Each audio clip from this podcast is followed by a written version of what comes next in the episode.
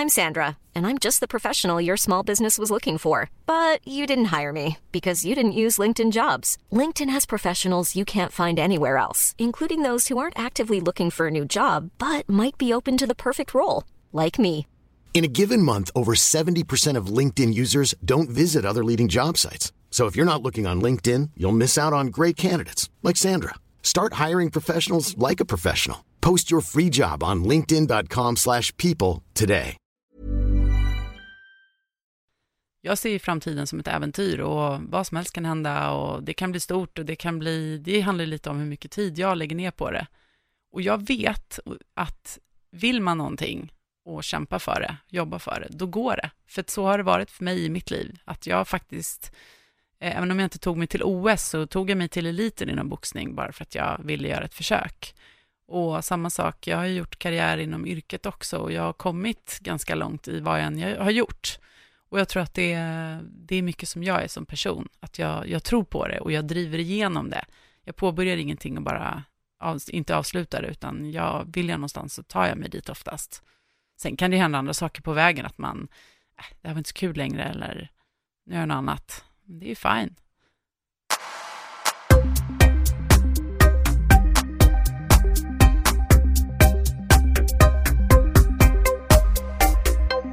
Helena Falk, välkommen till Paul Elvay Podcast. Tack. Du är ju faktiskt här på grund av att du har åstadkommit lite stordåd inom eh, Crossfit-svängen världsligt. Du har plockat hem ett brons i Crossfit Games väldigt, väldigt nyligen. Eh, ja, jag tror att du liksom får förklara, vad är Crossfit Games och eh, hur gjorde du det här? Eh, ja, nu ska vi försöka hålla det lite kort här. Eh, de flesta, eller många vet ju idag vad crossfit är i alla fall. Eh, men kort och gott kan man säga att det är en eh, ganska, ja, en sport som håller på att bli etablerad. Började som ett, ett företag, precis som NHL. Eh, så har de registrerat sitt varumärke och eh, håller fortfarande hårt på det. Eh, det är en blandning av allt kan man säga de har eh, ett mantra som heter Be prepared for the unknown. Så att, det säger lite om vad det är. Det, det blir överraskningar, man vet inte riktigt vad som kommer på tävling. Eh, men det brukar vara tyngdlyftning, eh, kondition och gymnastik. Ja, massa olika tester så att säga på en, en stark och bra fysik. Mm. Vilka tester utsatte du för nu i senaste tävlingen? Eh, Crossfit Games är ju det som motsvarar VM. Eh, och det är två stycken kval för att komma dit, kan jag bara säga först. Mm. Eh, och eh, de kvalen ser lite olika ut. Det första kvalet är ett fem veckors kval. Och då gör man hemma på sin box, världen över, så gör alla en, eh, en tävling. Eh, det är från torsdag till måndag har man på sig att göra en workout. Man kan göra den hur många gånger som helst. Eh, men en till två gånger brukar ju vara normalt då. Eh, och sen så får man en eh, ranking då efter de här fem veckorna, vilken placering man tar sig till. Och därigenom också en vidare kvalificering till regionals, som också sker världen över, i, på lite uppdelade regioner. Um, och där är det ju en fyra dagars tävling. Jag mm. tror att det är i norra Europa som jag tillhör är det väl 30 platser 20 platser kanske blev i år, de har ändrat okay. lite. Eh, så att då, det är 20 stycken som eh, får komma till Regionals och tävla vidare där för en plats till Games. Och i norra Europa så är det fem platser till Games för den individuella kategorin. Så, så, så tajt är det. Ja. Eh, Får jag bara fråga, hur många är det till slut på Games som, som tävlar? När allt det här är gjort och ni möts på Games, hur många deltagare finns det då? 40 stycken i den, det är olika kategorier, så det är 40 mm. stycken i den individuella kategorin. Jag tävlade ju i, min, i den första masterkategorin. Jag är lite äldre, så 35 till 39 år. Mm. Och då är det 20 stycken, okay. världen över. Och vi, wow. vi gör ju ett online-kval, ja, extra mm. för det. Eh, så att vi, det är 20 stycken som kvalar in dit. Ja, i alla fall de, tillbaka till frågan. Mm, mm. De utmaningarna i år, där vi visste ju inte innan vad som skulle komma. Eh, de brukar lägga ut på Instagram, så brukar de lägga ut lite hintar. Och så var det, det var väl lite simning och hinderbana, lite sådana här små, små saker. Det kan vara ganska kryptiska, bara någon, någon konstig bild eller något citat eller vad som helst. Man får gissa sig till lite vad som kommer. Um, och uh, ja, de grenarna som var i år, det var 11 event för oss. Varav det började med obstacle race, det var simning, det är alltså som separata event då. Mm. Så 500 meter simning var ett event och det är open water.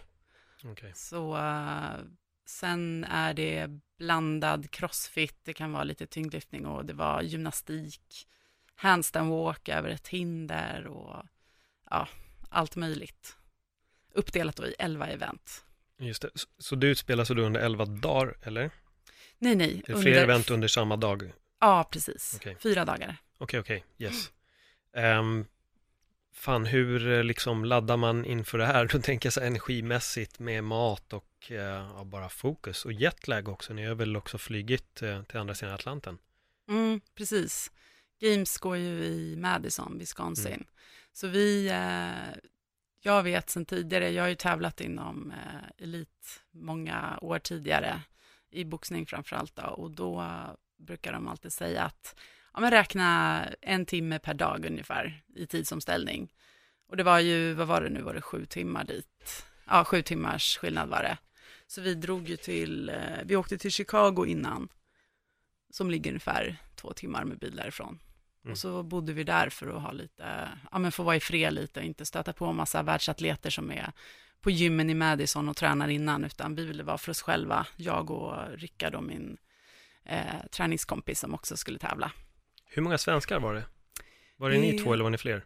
Nej, vi var fler. Det var vi två som åkte tillsammans i alla fall. Han tävlade också i Master 40-44. Mm. Um, sen var det Lukas Camilla som tävlade individuellt och Pia som tävlade i uh, en högre masterdivision och ett lag, Fabriken från Malmö. Så att alla ja, åker ju själva och organiserar sin resa, men sen träffades vi där borta mm. under tävlingarna. Så. Mm. så var ni i fas när det väl drog igång? Jag tänkte nu på jetlag och, och allt Ja, sånt det var vi. Det ja. var vi verkligen. Skönt. Det var ju, ja, nio, tio dagar innan, så att det var lugnt. Ja, men då har ni verkligen haft riktigt eh, gott med tid. Men det är bra, för jag, jag, vet själv att när jag flög över till andra sidan Atlanten första gången, jag var helt förstörd i fem dagar det har blivit bättre och bättre mm. för varje gång jag åkt, men jag tror att folk ibland förstår nog inte vidden av hur jetlag mm. kan påverka en. Nej, precis. De första dagarna behöver man ju bara för att komma in i det. Mm. Men eh, det är även värme och sådana saker som påverkar. Nu är det ju ganska likt klimat som här i Sverige, i Madison. Men tidigare har ju Games legat i Los Angeles. Ja, just det. Och där är ju tävlat i lag tre år, så att då det var lite tuffare. Det var väldigt, väldigt mycket varmare än här. Och det, och är man inte van att träna i värme så det är tufft. Mm. Ja, vi är inte direkt bortskämda med värme här i Sverige. Den här sommaren. Den här sommaren, ja. Nej, så är det. Första sommaren någonsin. Ja, många andra ställen. Mm. Men sen när tävlingen väl drog igång och ni hade de här fyra dagarna, liksom vad, hur jobbar du mentalt och, och allting inför de här uh, grenarna? Eh, jag är ganska van att tävla. Eh, det mentala, den mentala biten, alltså som gammal boxare så har det, det har alltid varit lätt för mig på något sätt. Jag älskar utmaningar, jag gillar att kasta mig ut i ja, men, oväntade saker, lite skrämmande saker. Så att det, det är lite av min drivkraft också. Jag, jag tycker det är häftigt liksom. Mm. Eh, men däremot så ska jag faktiskt säga att vi, det var inte helt enkelt innan dels så har jag haft en, en skada en längre tid som har påverkat mig mentalt. Uh, och det kan jag faktiskt ta som ett ganska tydligt exempel under tävlingen också. Alltså jag har hoppat knä okay. i båda knäna, men det är värst på ena. Och jag trodde att jag skulle hinna bli bra från det. Det är en inflammation i knäske, eh, äh, knäsenan. Um, ehm, men det jag har kämpat och jag har inte riktigt kunnat, jag märkte det i våras att det här kommer ta tid. Jag gick hos eh, ja, men, fysios och naprapater och de gjorde ultraljud och såg att det, de, de sa att ja, men du kommer kunna tävla. Det var liksom det beskedet jag behövde. Kommer jag eller kommer jag inte? För annars så struntar jag i det. Men jag skulle kunna tävla och det kanske inte skulle bli helt bra, men det, skulle, det fanns bra möjligheter om man säger så. Så då bestämde jag, ja men jag satsar. Sen så vart det, jag kunde inte köra någon tyngdlyftning. Jag har inte knäböjt sen i ja, men, oktober, november förra året. Och det är ju sånt man gör flera dagar i veckan som crossfit-atlet. Eh, ja.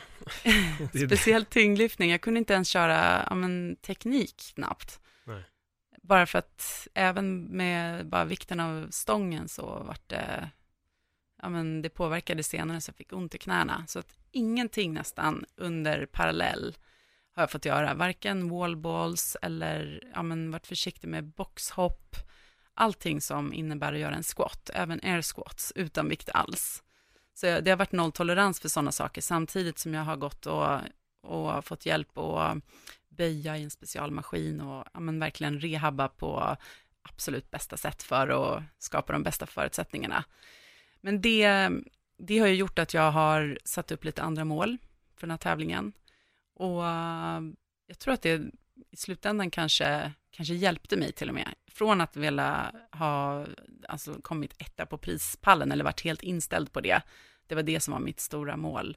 Så har jag känt att nej, men jag får nog plocka bort de förväntningarna och kanske mera tänka eh, jag ska göra det bästa av situationen. Jag får gå på ja, men, muskelminne ganska mycket för att sånt, teknik och sånt, det, är ju, det sitter ju, det är väldigt färskt och sen att man har styrkan i benen. Det är också väldigt mycket mentalt, att man känner att man inte har använt sina ben på, med tunga vikter på jättelänge. Det, det gör att man blir mer nervös vid sådana event såklart. Mm. Eh, får lite sämre självförtroende. Um, så att jag satte upp lite sådana mål och det innebar ju också att jag kunde slappna av lite mer kan man säga. Så att eh, jag hade inte så höga förväntningar just på de eventen. Och satte istället upp andra mål med simning och sådana saker som jag verkligen har tränat hårt på och mycket kondition. Så kände jag, ja men här ska jag visa vad jag går för istället. Här ska jag verkligen, alltså jag satte upp mål, mera eh, ja, men eventspecifika mål om man säger så. Just det. Ja, och det tror jag hjälpte mig att slappna av lite och sen när det väl gällde så, så lyckades jag faktiskt eh, ja, men skärpa till mig lite. Det var ett event som det var snatch ladder. Um, och då, då var det fem, fem snatchar på en lätt, eller en hyfsad lättvikt, 60 kilo. Sen fyra på 65, tre på 70 och en, eller två på 75. 75 är hyfsat tung vikt ändå för tjejer att snatcha. Eh, så då ja, failade jag flera gånger på den lättaste vikten. Och då började det mentala spöka i huvudet. Att, ja, men det är för att jag inte har tränat det här på ett tag och gud, nu, det här går åt helvete ungefär. Så från sitt tunnelseende när man är fokuserad så helt plötsligt så såg jag och hörde alla runt omkring mig hur de bara gick vidare och, och jag tänkte att nej, jag har glömt helt hur man gör. Det här är helt sjukt. Så jag, jag tror jag failade, ja men tre eller fyra på den lätta vikten. Men sen var det som att jag bara smällde till mig lite och bara, kom igen nu. Du kommer ihåg hur man gör liksom. Och sen så vart de bättre och bättre för varje vikt. Och så satte jag ju hela stegen i alla fall till slut. Det var ju inte mitt bästa event, men ja, jag lyckades ändå. Så det är verkligen hjärnan som ja, men sätter stopp för en ja, ibland. Absolut. Hur ont hade du när du gjorde det? Ja, då hade jag ganska ont för att det räckte med uppvärmningen för att börja koppla på smärtan i knäna. Sen tog jag ju eh, smärtstillande under hela tävlingen också, men jag hade sån tur för vi hade vilodag efter det. Det var första okay. dagen, mm. så jag hade lite flyt också kan jag säga. Och de övriga eventen gick väldigt bra, så de passade mig ganska bra, så att jag, jag har kommit väldigt lindrigt undan. Mm. Så jag, jag är mycket nöjd med min insats. Det var det som tog mig så pass långt också. Hur, hur mår knäna nu? Eh, jag har inte tränat alls när jag kom hem, så okay. två veckor har gått. Nej, men de, eh, det är skönt för dem att vila helt. Mm. Sen ska man ju belasta dem för att kunna läka den här skadan och det kommer ta tid. Senor är väldigt eh, långlivade. Liksom. Du har så. fått någon form av tendinos då, eller vad är mm, det som? Ja. Precis. Vilken muskel eller vilken sena är det? Ja, heter den knäskålssenan? Okay. Eh, patella. Ja, just det. Mm. Ja, precis. Okay, ja. För jag har tendinosi popliteus som sitter mm. liksom bakom knät. Okay. Och den har strulat rätt mycket för mig också. Och det ja, gjorde ju så ont så att om. jag kunde inte ta med dojan. Alltså den foten som skon skulle av av. Mm. När jag började dra ut foten så gjorde det ont ifall jag använde den andra foten som stöd. Ja men så det känner jag igen. Ja. Absolut. Det gjorde sjukt ont. Och då sa en tjejkompis som jag jobbade som PT förut, hon var naprapat. Aha Hon bara, det är på Polyteus-scenen. Hon bara, för det är då du, eh, det är då man känner precis av i den rörelsen. Ah, okay. Och det har Mm. varit riktigt, riktigt jobbigt. Men, men hur, hur har du rehabbat det här? Liksom, hur har du gjort för att kunna förbättra den, den här skadan?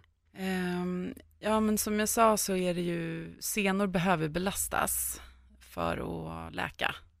Och eh, i början så ska man ju då, man ska ge dem ganska hård belastning, eller beroende på vilket stadie man är i. Men cirkulation, väldigt låg belastning och sen så ska man även ge dem ganska hård belastning och så ska de få återhämta sig, ja, den tid de behöver. Kanske blir fyra, fem dagar i början tills nästa gång man ger dem en hård belastning. Och sen blir det ju kortare och kortare återhämtningstider. Ehm, men för att stärka dem så måste de ja, dras ut och utsättas för belastning.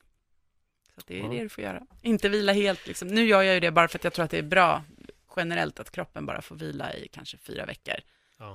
Ja, det är nog inte fel heller. Du har tagit hem ett brons i alla fall, så du, du, jag tycker att du Ja, förtjänar lite vila. Gott att vila lite. Hur många dagar i veckan tränar du annars? Ja, men det är sex dagar.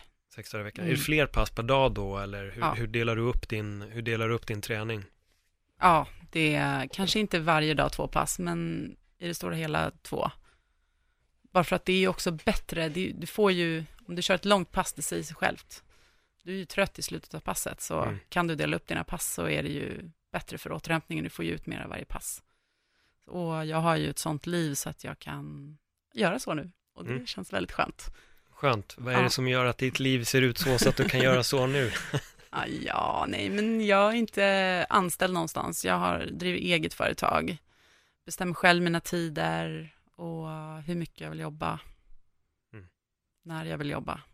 Jätteskönt. Jag känner igen mig i den Mm. känslan. Så det är, jag, jag förstår, det är, det är super, super skönt. Men hur, hur ser Crossfit ut rent eh, sponsormässigt och sånt? Får ni stå för de här resorna själva eller finns det sponsorer som kommer in och hjälper er så att ni får åka utomlands? Eller hur, hur ser det ut? Jo, men jag tycker att det ser väldigt bra ut. Jag jämför ju med boxningen förut. Där fanns det ju inte en spänn att få någonstans. Nej, nej. Eh, utan det finns lite pengar i Crossfit. Dels så finns det lite vinstpengar. Eh, och sen har jag sponsorer som, jag har ju inte betalat någonting själv. Mm. Utan jag, de täcker ju min resa. Så det är jättebra. Sen fick jag lite prispengar där också. Det är ju inte alls i närheten av de summorna som de, som de individuella i den kategorin får. Där är ju 300 000 dollar till vinnaren. Oj, ja, kul. Jag tror att det är 100 000 till tvåan och 75 000 till trean. Mm. Medan vi hade 25 000 till ettan, fem, eh, vänta förlåt, 10 till tvåan och 5 till trean. Okej. Så det får jag nöja mig med. Ja, du blir inte miljonär i alla fall. Nej, okej. Men du tog hem medalj. Ja. Men boxningen då? Vad, när höll du på med boxning? För jag vet att du hållit på lite med karate var det också va? Tidigare i... Jag började med karate när jag var 14-15. Ja, hur länge höll du på med det? Några år bara. Mm. Mm. Och boxning? Ja, men jag har alltid varit inne på varje sport jag hållit på med. Det har varit några år sedan tröttnade jag och går vidare. Okej, Så kanske är färdig med crossfit nu. Nej. man vet aldrig. Nej, men eh, fem år med boxningen faktiskt. Mm. Och där tog det slut av en anledning. Jag eh, vart, ehm, men dels var jag trött på att satsa för att jag hade, ja men mina barn var ganska små då. Och jag var iväg jämt på läger, tävlingar, turneringar. Det var ganska långa perioder, man kunde vara borta i Ukraina i tio dagar liksom. Och om det var en turnering så åkte man ut första eller andra matchen så var man ändå tvungen att vara kvar för vi åkte dit som ett lag. Eh, Så det var mycket tid borta från familjen och ja, men jobb också.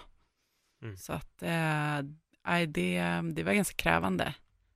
Väldigt intensivt. Så. Och sen så satsade jag ju mot OS 2012.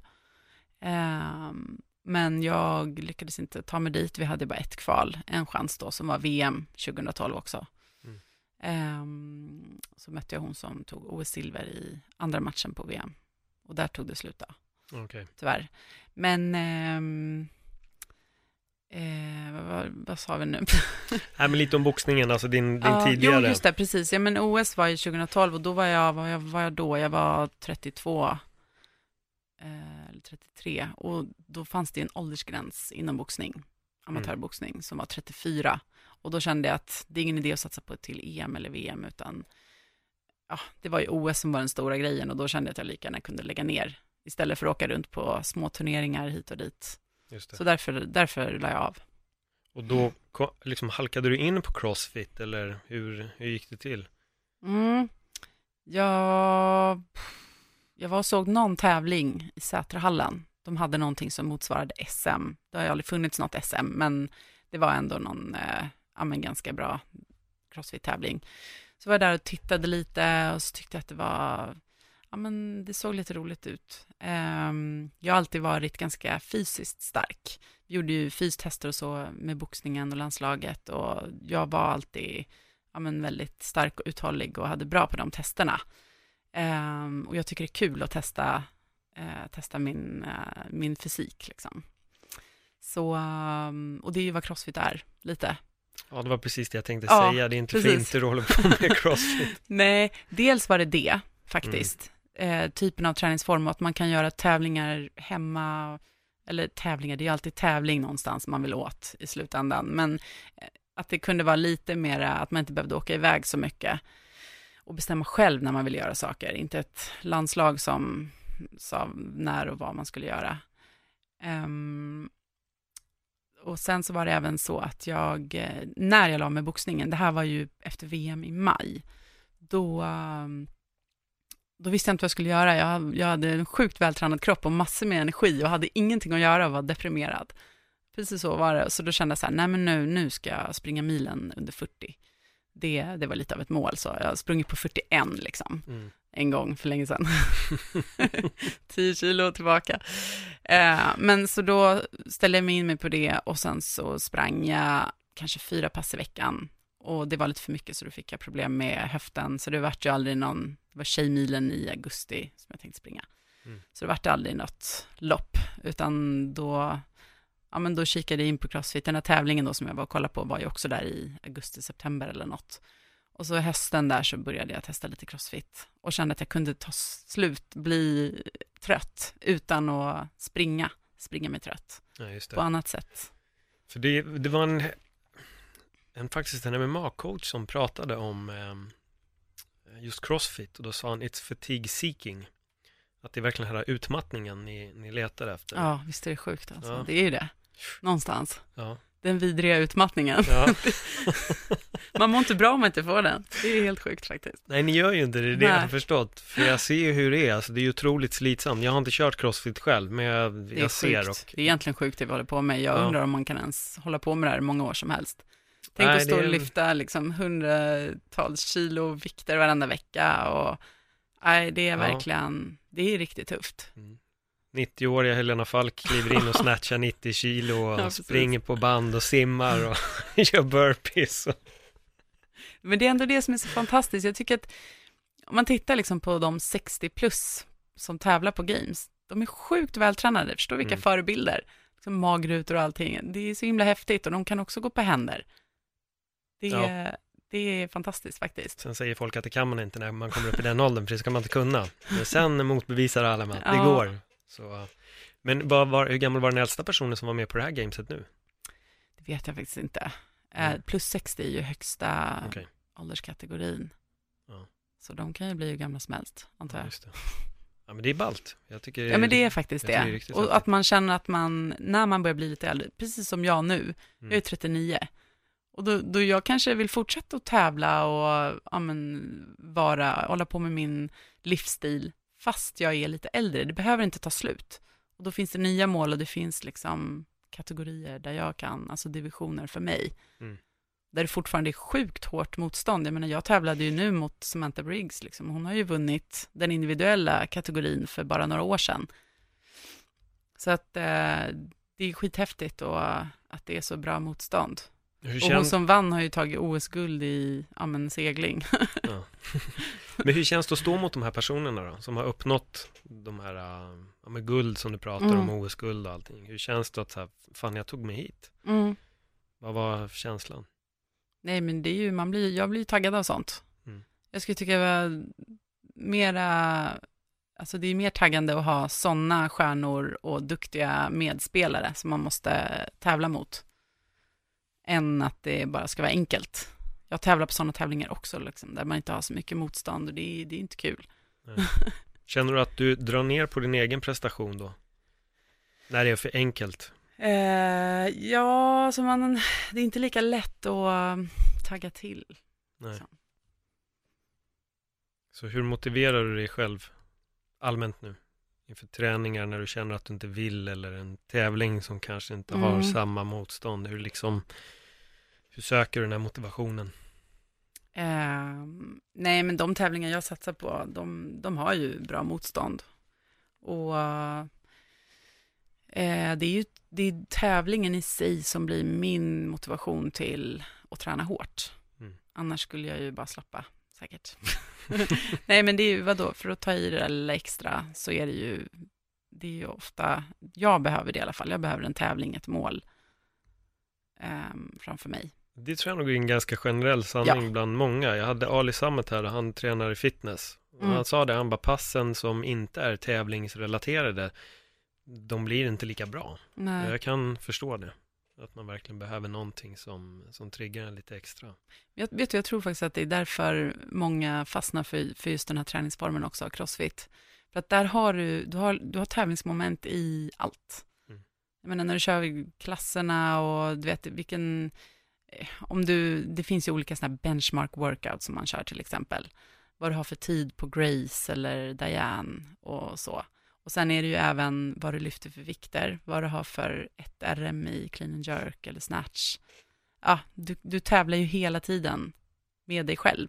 Mm. Att förbättra din tid och höja ditt max. Så att, Vad ligger du på i knäböj och sånt där innan din skada nu då? då? Hur mycket knäböjer du i en, ett max? mm, jag är inte den starkaste spelaren, eh, men jag har knäböjt 130. Mm. Det, Och ja. för de som inte vet hur du ser ut så får jag bara fråga den här censurerade frågan i mångas fall. Men hur lång är du och hur mycket väger du till den vikten Ja. du pressar tänker jag nu? 1,65 väger ungefär 65. Ja. Shit, det är ju verkligen dubbla din, dubbla din, det, det är två Helena Falk på ryggen. Ja. Nej, men det är, precis, det är väl mera kanske snatch och clean and jerk som man brukar prata om. Det är det man gör hela tiden. Så uh, clean and jerk har jag ju satt 100 och snatch 81. Och det är ändå ganska, det är hyfsat, man klarar sig ganska långt på det. För det jag har upptäckt med crossfit är att det är ju inte bara, alltså du ska ju kanske inte bara vara duktig på tyngdlyftning, för att då är du inte lika uthållig. Ehm, så att jag ligger väl lite mera i mitten där kan man säga. Men där tar jag Ja. fram en, en intressant grej, förlåt jag Mm. avbryter, men just där, hur, hur delar du upp din träning för att just få styrka samt uthållighet? Mm, För det är två kombinationer som är, kan vara lite knepiga att få, få ihop. mm, precis. Och de, eh, det får man ju, man måste ju träna båda dem helt enkelt. Eh, och jag tror att ehm, min, min styrka är nog att jag kan hantera relativt höga vikter, alltså ganska hög procent av mitt, eh, det som är mitt max, eh, under hög intensitet. Så att, eh, och det är så roligt för jag var precis och gjorde, jag har gjort DNA-tester och ja, men, massa olika analyser. Eh, och innan det här nu så var jag på ett möte med dem, Nordic Lab, som har hjälpt mig. och där fick jag lite svar på saker, bland annat då vad jag är för typ av atlet. Och då står det att jag är bara en endurance-atlet. Jag har typ ingen power. Okej. Och jag har alltid sett mig som en explosiv atlet. Jag, är ändå, jag var en explosiv boxare och ja, det finns ju uppenbarligen ändå explosivitet i, i min kropp om jag får upp de vikterna. Ehm, så att, ja, det är lite Here's a cool fact a crocodile can't stick out its tongue. Another cool fact you can get short term health insurance for a month or just under a year in some states. United Healthcare short term insurance plans are designed for people who are between jobs, coming off their parents' plan, or turning a side hustle into a full time gig. Underwritten by Golden Rule Insurance Company, they offer flexible, budget friendly coverage with access to a nationwide network of doctors and hospitals. Get more cool facts about United Healthcare short term plans at uh1.com. Everyone knows therapy is great for solving problems, but getting therapy has its own problems too, like finding the right therapist, fitting into their schedule, and of course, the cost. Well, BetterHelp can solve those problems. It's totally online and built around your schedule. It's surprisingly affordable too.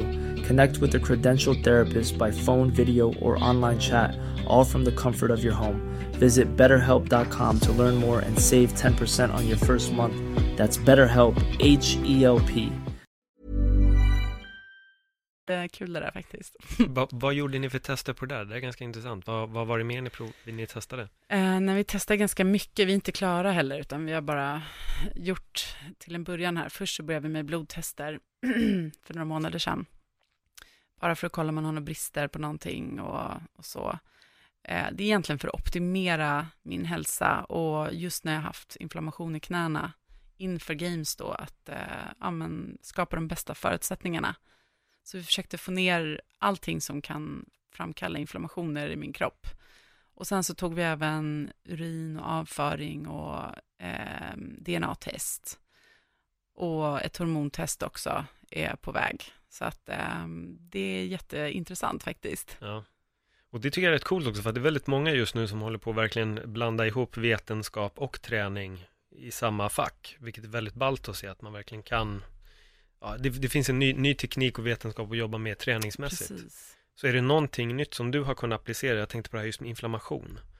Var det någonting speciellt som du var tvungen att ändra för att få ner inflammation, kanske någonting du åt eller liksom vad, vad kunde man se? Mm. Det, är ju, det man förstår är ju att allting, det är ganska individuellt. Eh, och jag har ju i mina gener inte de optimala förutsättningarna egentligen för att vara en endurance-atlet. Jag har ganska lite eh, röda blodkroppar. Där mm. ligger jag på ett precis över gränsvärdet. Och det vet jag sedan tidigare, sen jag gjort något hälsotest för ja, flera år sedan också. Så att jag får ju äta ja, men B12 och B6 och folsyra, sådana saker måste jag äta för att, för det är ju de vitaminerna som hjälper till för att bilda röda blodkroppar och sånt. Det är man ju verkligen ute efter i min sport. Mm. Um, så att det, det är liksom mera, handlar om att man får tillsätta sådana saker som jag antingen genetiskt eller bara sånt som jag kanske har slarvat med. Vi kollar ju tarmarna, det är väl det jag skulle säga som, som är det viktigaste, för att i tarmarna sitter ju ändå, vad är det, 75 procent av ens immunförsvar. Så att där handlar det verkligen om att få um, ja, men äta bra bakterier och sånt som, som läker och skapar en eh, hälsosam miljö. Så Just att man det. får bättre immunförsvar och allt sånt. Vad äter du för någonting? Finns det något speciellt som du äter för det? Jag har börjat äta lite enzymer, matsmältningsenzymer, för att hjälpa till lite. Mm eh, probiotika, sen ska man äta ja, men, alger och allting sånt där. Jag är inte jättebra på det, men grönsaker och ja. Du dricker inte kombucha då? Nej, faktiskt inte. Nej. Ja, men där har du ju, alltså du skulle ju kunna kasta alla probiotika kosttillskott, för kombucha innehåller ju så absurt mycket. Mm. Eh, samma med surkål, kimchi, det är också jo. grejer som verkligen innehåller jättemycket av Precis. de här bakterierna. Precis, men det har vi också diskuterat, just eh, sådana, vad heter det, fermenterade. Precis. Ja, det är jättebra för tarmarna, så att, ja. ja, det är väl det. Och sen så har jag, jag gillar ju att ta ett halvt glas vin ibland, även under liksom, tävlings och träningssäsong. Mm under veckodagarna till maten. Jag tycker det smakar godare och jag tycker inte att jag påverkas negativt av det. Men vi drog ner på allting sånt också och mm. vi testade till och med att dra ner på kaffet. Nu okay. fick vi testsvar och såg att jag, eh, vad säger man, metaboliserar, säger man så, kaffe väldigt bra. Mm. Så att för mig så kanske inte det var så nödvändigt, men det är ändå en första grej man gör för att sänka stressen, för att kaffe innebär också stress för kroppen, mm. liksom träning. Just det. Um, så att det var väl först och främst det som jag har lärt mig, att tarmarna, sköt om dina tarmar och stressa inte i onödan när du redan utsätter dig för så mycket Nej. stress. Det är det som är skadligt. Så hur balanserar du upp eh, stressen? Hur, eh, hur blir du lugn? Vad gör du? Um, jag eh, tror faktiskt att det är sjukt, men jag tål stress väldigt bra. Jag har stressat mycket i mina dagar. Um, så för det första tror jag att jag är väldigt stresstålig. Men mm. självklart är det ju inte, det är inte bra. Så att eh, framförallt nu när jag kan bestämma mina tider själv så känner jag att jag behöver sova lite längre på morgonen, då tar jag sovmorgon. jag stressar inte upp klockan fem och håller på, utan jag låter mig, jag sover ut. Till kvart över fem. Halv sex. Nej, då. Nej, men faktiskt, sömn är ju också en jätteviktig viktig faktor för att må bra och återhämta sig. Och ofta behöver man sova mer när man tränar så mycket, så äh, den försöker jag sköta. Sen bokar jag inte in lika mycket saker. Förut så var jag superhetsig och skulle hinna, så jag var en sjuk tidsoptimist. Så att det, det har jag blivit mycket bättre på också. Eh, fortfarande inte helt bra, men eh, bättre. Mm. Ja, du var bara lite sen till det här mötet idag. Ja, precis. Förlåt. Nej, jag var sen till förra och då, redan där började det. Nej, men eh, ja, det är dumt att stressa i alla fall, så att man, ja. får, man får skala bort saker. Det viktigaste först, brukar jag säga. Om mm. det liksom kör ihop sig, om man har tusen saker, då bara sätter jag mig ner, okej, vänta här nu, det viktigaste först, och så kan jag ibland nästan behöva skriva upp dem, stapla upp det, att okej, det här och här och här måste göras nu, det där kan jag ta sen. Isvaksbad, är det någonting som ni utsätts för inom Crossfit? Eller isbad? Mm, det finns ju där äh, på tävlingarna, mm. men eh, jag använder inte det. Nej, varför Faktiskt. inte? jag har svårt för det. Jag, jag kan stoppa ner en fot och sen det isar sig. Alltså jag kan inte gå ner. Det går inte. Nej. Du får inte ner mig en sån här. Jag flyger upp. jag hade Mats Jakobsen här. Ah. Okay. Um, och då snackade vi lite isvak, för jag löser Rubiks kub. Och då började, han fråga, då började han fråga mig om den och då sa jag, men jag har faktiskt löst den i en isvak. Han bara, va? Och så visar sig, jag har löst en vanlig 3x3 och en 5x5 i en isvak. En 3x3 är standardkuben. Och det tog eh, typ plus minuten. Men sen fick jag för mig att lösa en 5x5 också. Då var jag faktiskt i nio minuter innan jag Uff. kunde gå upp ur vattnet. Och det roliga där är att min kompis hade stängt av kameran vid två tillfällen. Så när jag kommer upp så säger han, han bara, fan förlåt, jag var tvungen att stänga av kameran för jag frös så mycket om fingrarna. oh, så då tyckte Mads att jag eh, skulle kunna hjälpa er med, med isvaken, för han vet att han får ibland tvinga ner folk som vägrar i. Men det är en extrem eh, inflammationshämmare. Mm. Alltså jättemycket. Jag duschar ju kallt dagligen och jag mm. badar rätt så mycket isvak under vintern. Och nu i somras när inte vattnet blev kallt i duschen mm. Så har jag faktiskt haft ont i kroppen på så ställen som jag inte har haft ont i under hela vintern. Och jag gick ifrån att vara en person som dig. Jag frös jag var jättefrusen på vintern. Jag hade, ja men, jag gick runt med raggsockor och liksom mjukiskläder och luvtröja hemma för att det var kallt liksom. Sen upptäckte jag Wim Hof, jag vet inte om ni känner till honom? Nej. En kille som kallas för The Iceman. Och han har då andningsövningar som eh, de gör väldigt, väldigt mycket egentligen för kroppen. Men dels stänger de av lite smärtreceptorerna. Vilket gör att det blir lättare för dig att hantera till exempel kylan. Så att isvaken blir inte lika kall.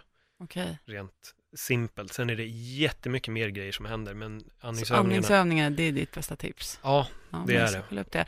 Men ger du mig en bastu, då gör jag det. Mm. Då älskar jag det. Ja. Jag var på Hellasgården och hoppade i isvak i vintras. Mm.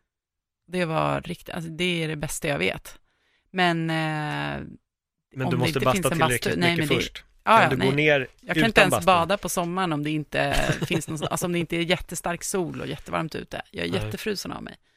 Men det är en jätteskön känsla om man kan kallbada mm.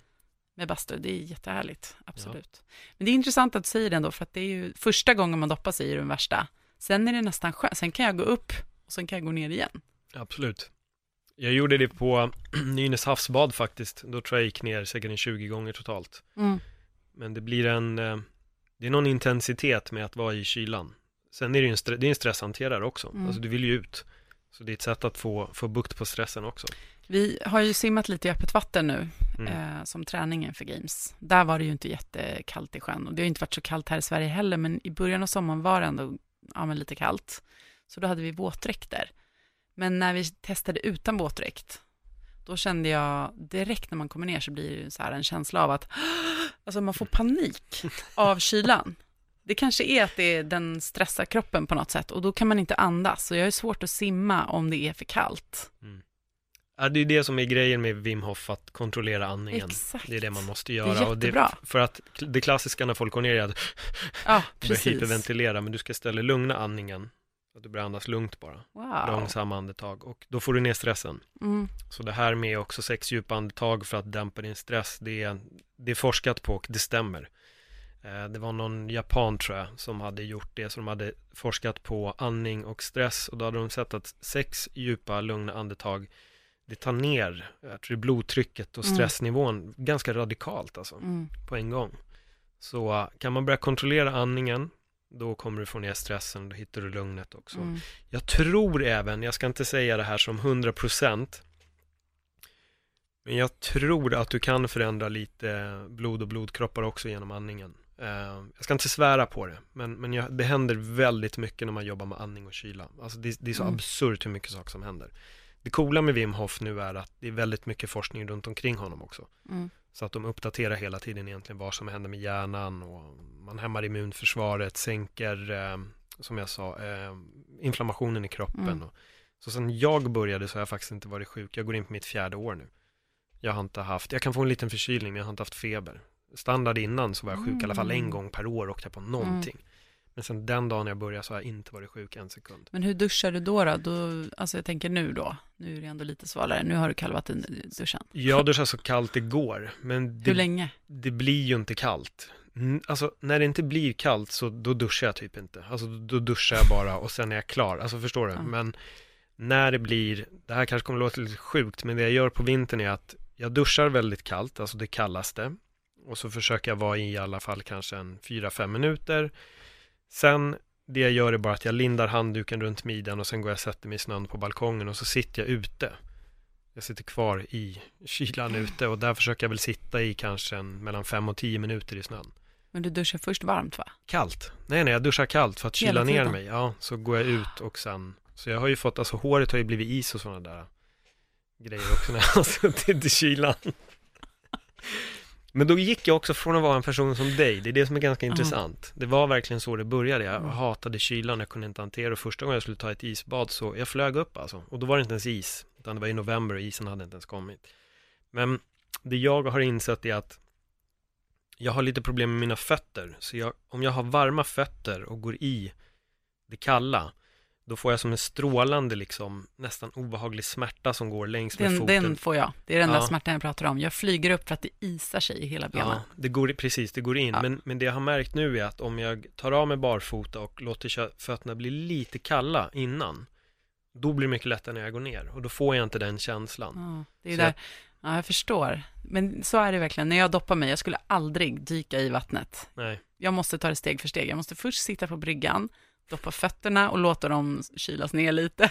Mm. Sen kan jag gå ner till låret och så håller jag på att typ till slut badda mig som gammal tant liksom, du vet. Innan jag kan gå i. jag ska, skicka, jag ska faktiskt skicka lite grejer så du får, så du får kolla upp och få en möjlighet att prova. Ah. Ehm, så får vi se, sen när Winter Crossfit Games kommer så kanske du som är först ut i isen och är snabbast och hanterar allting bäst. Mm. Inte riktigt där ännu, men ja. Det kommer, Varför det inte? kommer. Det går mycket fortare än vad man tror. Jag kan säga att min första kalldusch, då stod jag och skakade och skrek för att jag missuppfattade. Jag, jag tänkte att eh, jag tolkade det som att gå in och duscha kallt och börja göra det. Så jag gjorde det. Sen efter ett halvår, när jag verkligen läste noga, så stod det att börja med att duscha varmt och avsluta med en 20 sekunders ja. kalldusch. Men det var det jag tänkte. Precis, jag började i fel ände. Jag började bara med det kalla direkt och liksom tyckte att det var jävligt Kan man ens obehagligt. tvätta håret i kallt? Nej, Nej. eh, det, är det gör jag inte. Och jag kan säga att när det gäller, som nu i vintras var det sjukligt kallt i, eh, alltså när det väl blev kallt i vattenkran så var det som isande vatten. Då hade jag faktiskt till och med problem att tvätta mig med tvål. Utan jag var tvungen att höja upp faktiskt och ha varmare just för att bara få bort Ja. tvålen. Så det jag brukar göra är att jag kan dela upp det i till exempel att jag gör mig ren och att jag Ja, kanske och sen duschar kallt. med, ja precis. Så uh, jag får liksom välja vilken ände jag vill, jag vill starta Jag som älskar att stå och duscha varmt så länge. Ja, jo men det är en tjejgrej. Det är Det är jag och min dotter, ja det är sant. man bränner sig i duschen och tycker det är skitobehagligt. Ni har någon helt annan uppfattning för, för värme. Så det är någonting, jag kan bada hett alltså. Ja. Jag kan ha hur varmt som helst. Men blir du inte trött sen? Jo, men det är ju skönt. Ja, man tar ett bad, jag har badkar hemma, jag brukar bada ibland. Mm. Då är det varmt. Mm. Först kan jag inte ens gå ner, utan jag måste ju också, samma sak där, ta det väldigt där, just det. stegvis. Nej, annars bränner man sig alltså. Nej, fy fan alltså. Jag vet, eh, det är några duschar jag har klivit in i under mitt liv och det har varit otäckt. Men jag har hämnats nu. Nu sen jag duschar kallt så, ja, då lider ju den som kliver in efter mig istället. Och då brukar man höra gallskriket för det, vad fan! Men, Ja, men jag kan också bli sur på gymmet faktiskt, om det är Ja. iskallt, då undrar man ju, vad fan. men hur är det annars då? Är det folk som brukar duscha kallt och sånt? När de Jo, men säger det händer ju att det är på gymmet när man går och duschar där, så Ja. ibland är det inställt på kallt. Just det. Snart kommer det bli den som, som slutar gapa. Ja, men nu vart jag kallt. skittaggad, jag ska hem och duscha kallt. Ja, du ser, det här är nya. Men då varnar jag dig, det är inte kallt nu. Du kommer uppleva det Nej, som kallt, ja. men det är, det är lite ljummet. Men, en sak jag kan tillägga är faktiskt att det finns en grad, som jag vet inte vilken det är, men den är Mm. någonstans mellan varmt och kallt, som jag upplever som extremt obehaglig. Eh, För att det, det den gör är att min kropp vet inte Om den ska bränna på, liksom om det ska tända på den inre elden eller inte, eller om den bara ska vara för att det är varmt. Så det, blir någon, det finns en mellanvärme där jag Sjukt. upplever som väldigt obehagligt. Samma när det blir kallt ute i luften också. Det finns en grad där jag känner att shit, fan, min kropp fattar inte om det är kallt eller varmt, så den vet inte vad den ska göra. Så den gör liksom ingenting. Och då upplever jag, då blir jag frusen istället. Men Mm. svinkallt kan jag hantera, alternativt jättevarmt också. Mm. Ja, det är Ehm. intressant. Vad skrämmer dig?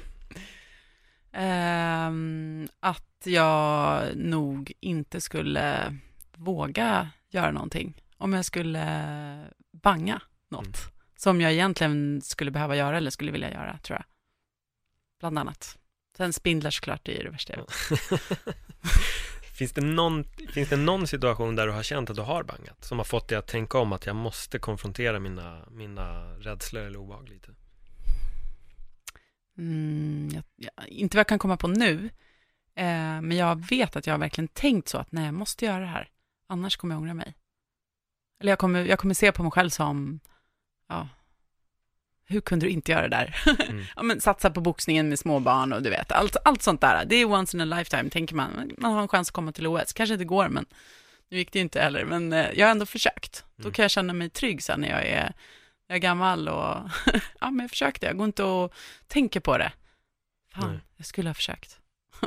För det är en fälla faktiskt som väldigt många fastnar i. Tycker jag att många ger upp innan. De Det är så tänker istället att OS är omöjligt, så vem är jag? Och så skiter de i Det är det. så vanligt och jag irriterar mig så mycket på, det. Det är så himla vanligt. Folk pratar och pratar och drömmer och drömmer, men det är få, väldigt få som gör någonting åt sitt prat alltså. Mm. Vad än gäller, alltså jobb, idrott, vad som helst. Så att... Ja, jag, jag håller med dig till, till 100% Jag har hört väldigt många som pratar och sen Mm.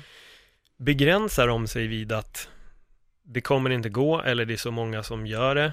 Så att då blir det svårt istället för att ta möjligheten och bara Mm, köra. jag tror det. Folk, eller folk, men det, jag tror att det är vanligt att man, och det är väl ganska naturligt också, att man är realistisk, man ser hindren. Men eh, jag tror att man, eh, för att förändra sig själv som person, så måste man också försöka och ta möjligheterna när de väl ges. Då, då tänker man så med allt. Så att, ja, jag tror att man ska, för sin egen skull, eh, tror att man mår bättre av att, att göra så.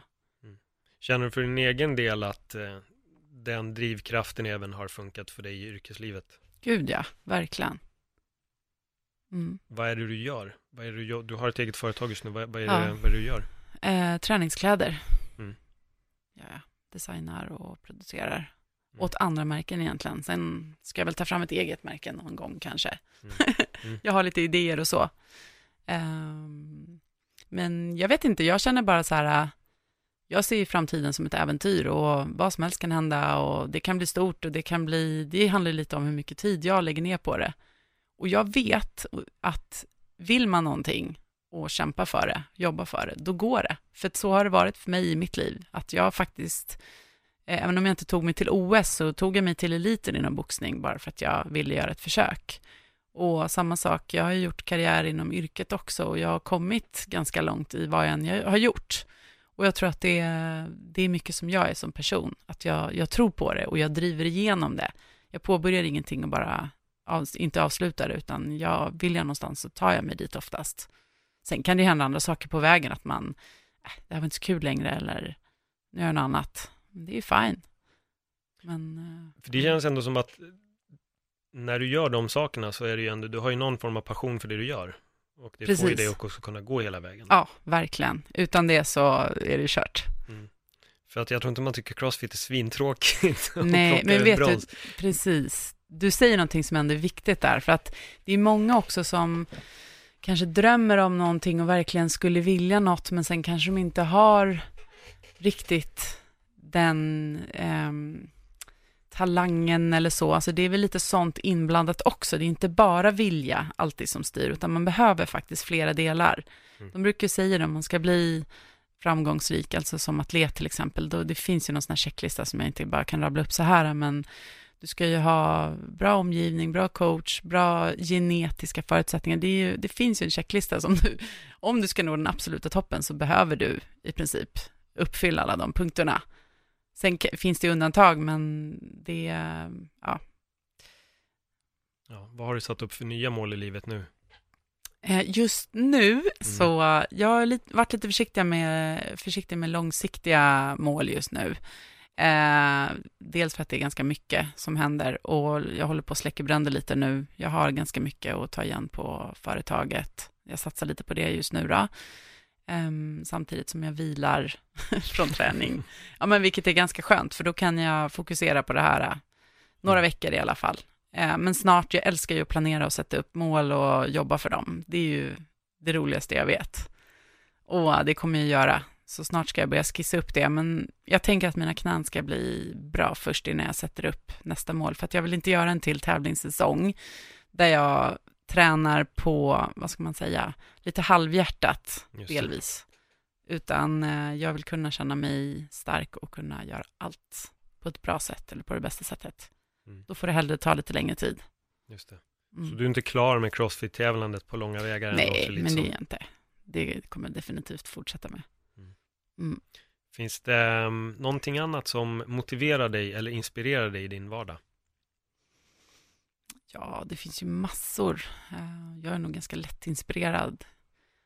Um, varför det kommer jag inte på något. Men vad då? alltså många i ens omgivning och ehm, alltså det är så lätt att bli inspirerad idag. Man bara tittar på sociala medier, det finns ju duktiga människor överallt och massor med bra poddar att lyssna på. Och, nej men det, är- det är ju framgångsrika människor inspirerar mig på olika sätt. Det spelar ingen roll kanske om det är någon idrottsman eller kvinna eller om det är inom andra saker. Jag tycker det är häftigt, de som når toppen eller lyckas åstadkomma någonting riktigt eh, stort eller coolt, det är, det är häftigt att lyssna på deras story. Hur de har kommit dit. Vad För är, det är inte alltid så nej. ja, Vad är- självklart. Vad är framgång för dig? Ehm, ja, svår fråga. Nu vill man ju typ formulera det bra. Känner att jag kanske inte har något så här, någon bra mening nu, men det är väl alltså framgång för mig i mitt liv.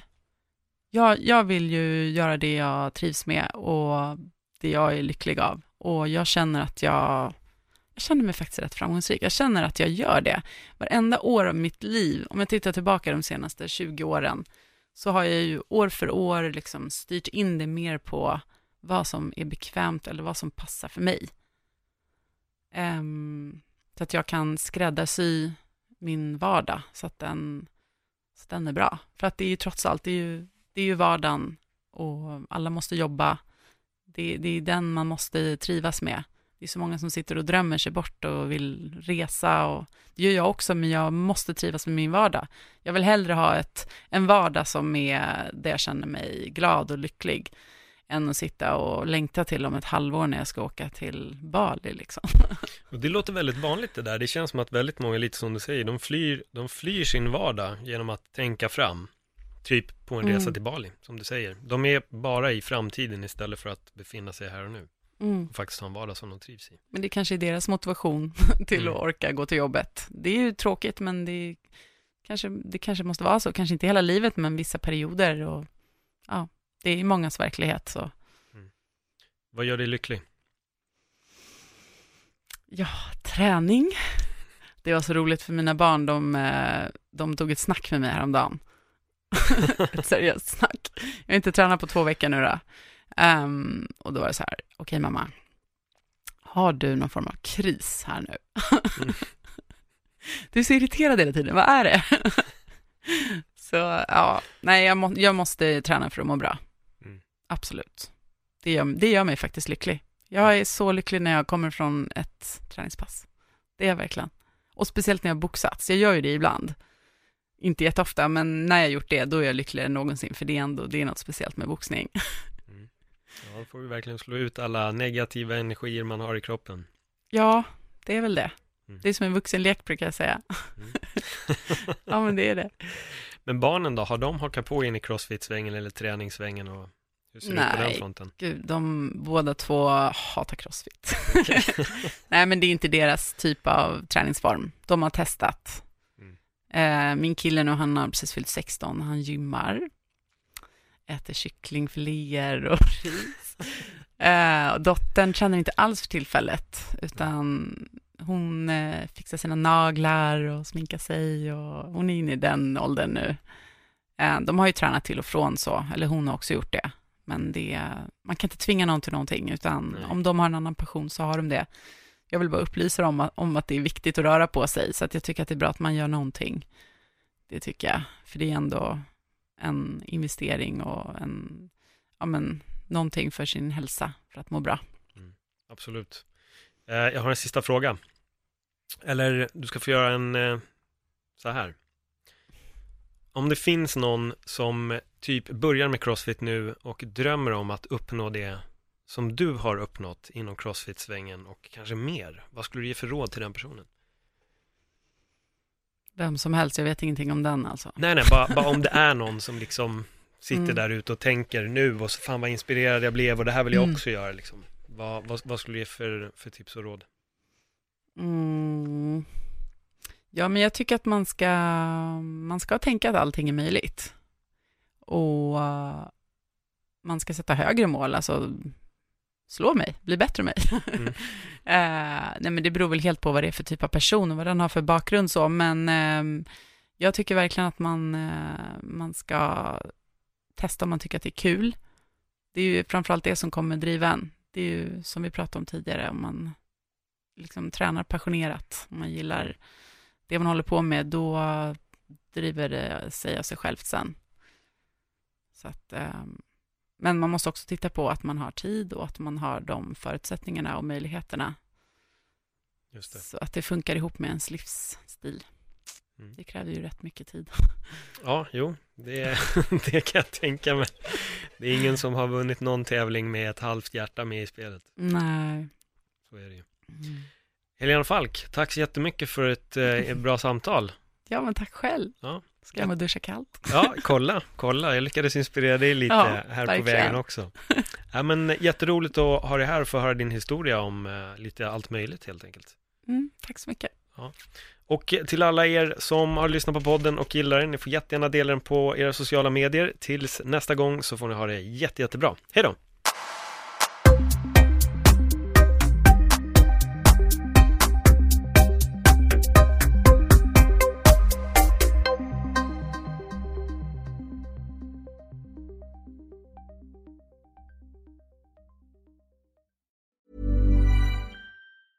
Planning for your next trip? Elevate your travel style with Quince. Quince has all the jet setting essentials you'll want for your next getaway, like European linen, premium luggage options, buttery soft Italian leather bags, and so much more. And is all priced at 50 to 80% less than similar brands. Plus, Quince only works with factories that use safe and ethical manufacturing practices. Pack your bags with high-quality essentials you'll be wearing for vacations to come with Quince. Go to quince.com/pack for free shipping and 365-day returns.